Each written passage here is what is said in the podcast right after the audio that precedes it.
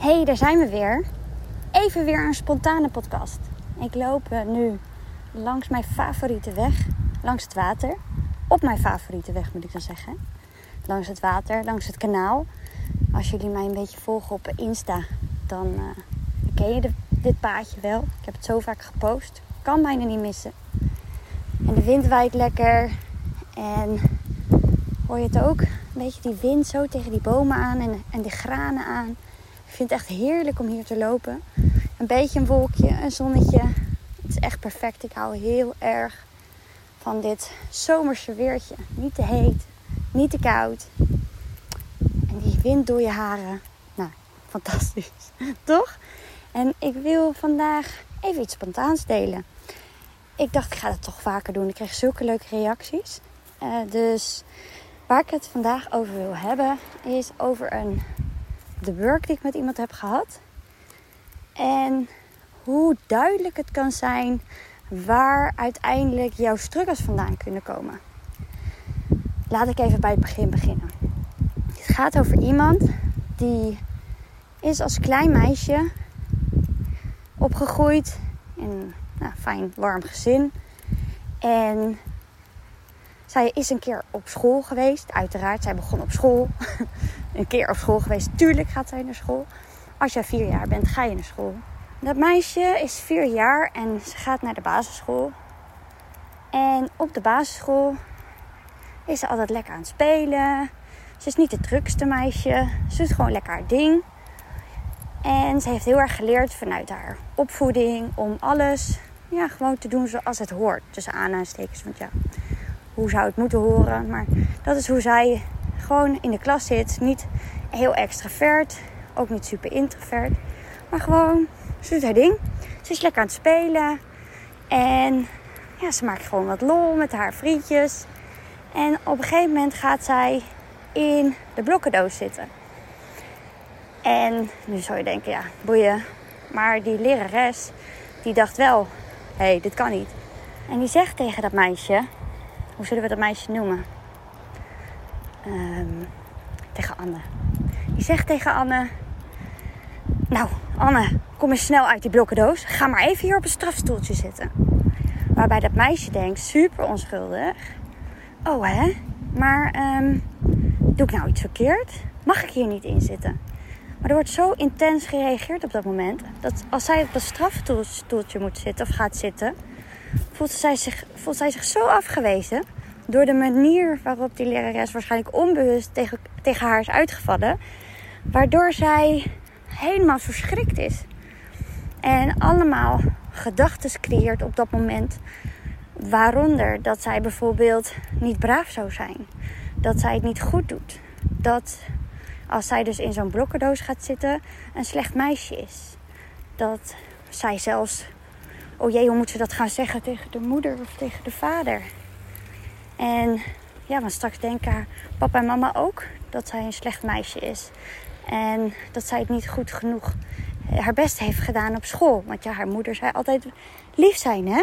Op school. Ja, ze was niet lief, want ze moest op een strafstoeltje. Want ja, als jij op een strafstoeltje gaat zitten, dan ben je niet lief. Dat was haar interpretatie. En zo creëerde er een wereld voor haar. Is zij in een wereld gedoken van... Ja, je moet braaf zijn. En als je niet braaf bent, als je het niet volgens de regels doet... Want zo is ze opgevoed door haar ouders. Ze moest lief zijn. En ze moest op een strafstoeltje doen ze iets verkeerds deed. Dus als zij het niet volgens de regels doet, ja, dan, uh, dan, ben, je, dan ben je niet braaf. Dan ben je niet goed. Dan ben je geen leuk meisje. Dan ben je niet, niet lief en niet goed genoeg. Ja, en als je dan vier jaar bent en dat meeneemt in je leven. En dan ook thuis, even nog een ander voorbeeld, is dat zij bijvoorbeeld thuis wel eens boos werd. Want zij voelde zich niet begrepen. Het moest altijd volgens bepaalde regels.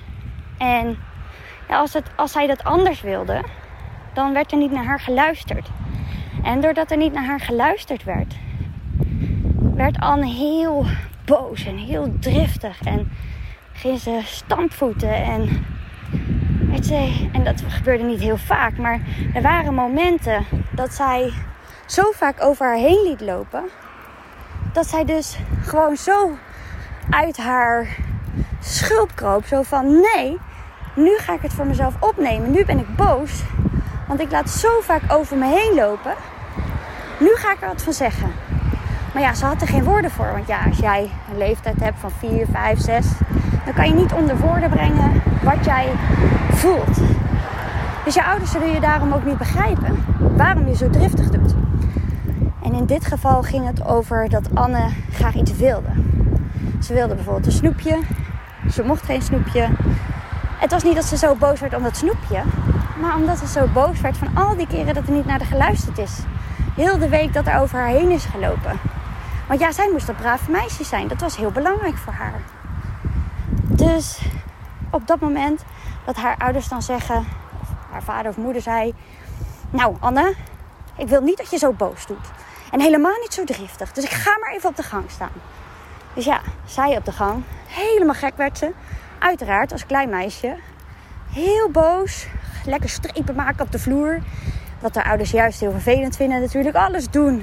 Juist om die aandacht te krijgen. Om te laten zien als kind. Hé, hey, maar dit is precies wat ik juist niet wil. Ik wil aandacht van jullie. En dat doe ik dan nu maar om strepen te maken. Want ik wil juist aandacht van jullie. Ik wil dat jullie me zien. Ik wil dat jullie naar mij luisteren. Maar ze luisterde niet naar. Dus ze voelde zich niet begrepen. En vanaf dat moment dat je vaker op de gang gezet wordt, en het is misschien maar drie keer geweest, ga je een bepaalde identiteit creëren. Wat ook nodig is, hè? Want ja, je gaat jezelf als kind beschermen. Hoe dan ook. Je hebt die identiteit nodig om te overleven. Want je bent afhankelijk van andere mensen. Je bent afhankelijk van je ouders, je leraren, van de mensen om je heen. Dus, en dit is dan de identiteit van iemand die, ja, gaat pleasen, gaat aanpassen, gaat leven naar andermans voorwaarden. Die ja, heel erg in de normen en waarden zit van de ouders. En dat neem je dan mee. Als je tiener bent, als je puber bent. En de jaren daarna. Dan word je groter, ouder, volwassener. En dan ga je tegen dingen aanlopen, want je gaat dingen anders voelen. Je gaat bijvoorbeeld ervaren, dat waar ze dan nu tegenaan loopt, is dat ze niet, ja, zij voelt, ik wil meer. Ik wil meer uit het leven halen. Ik ben eigenlijk niet blij met het werk wat ik doe. Met het werk waarvoor ik nu gekozen heb. Het is wel veilig.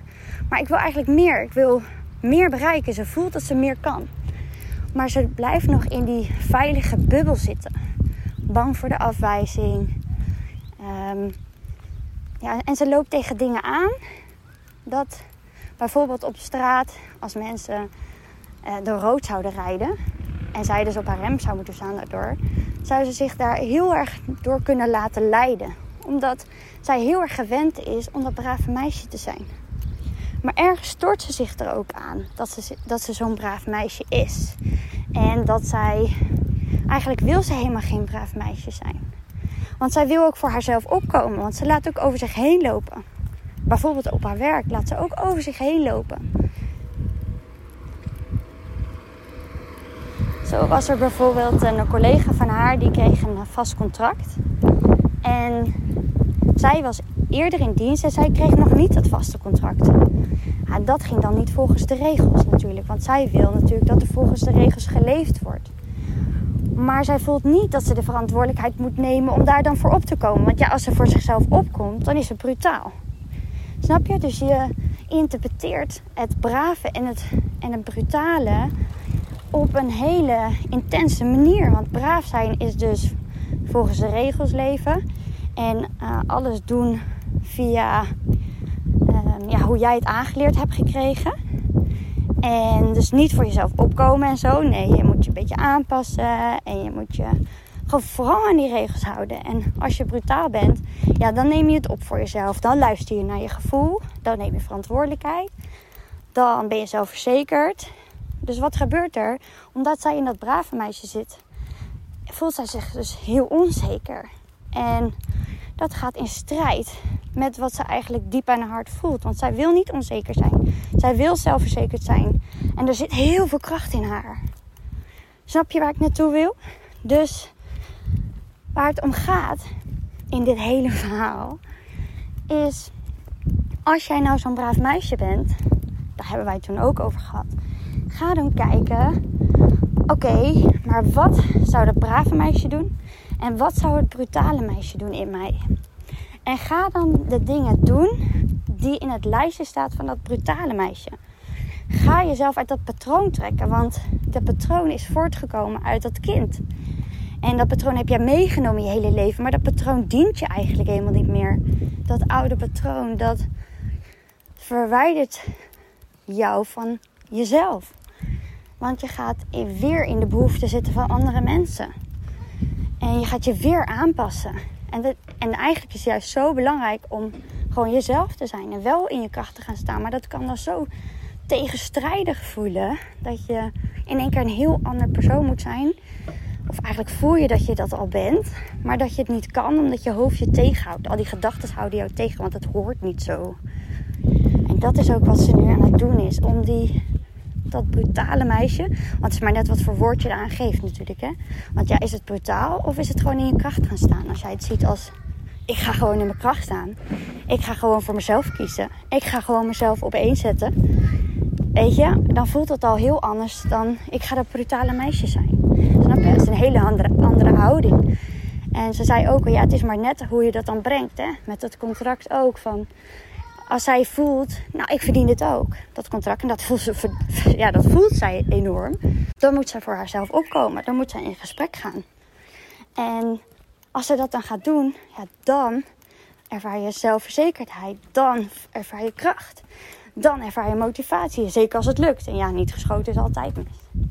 En dan ga je dus een patroon doorbreken. Want je was altijd een brave meisje. En nu heb je ervaren dat je eigenlijk ook nog goed genoeg kan zijn.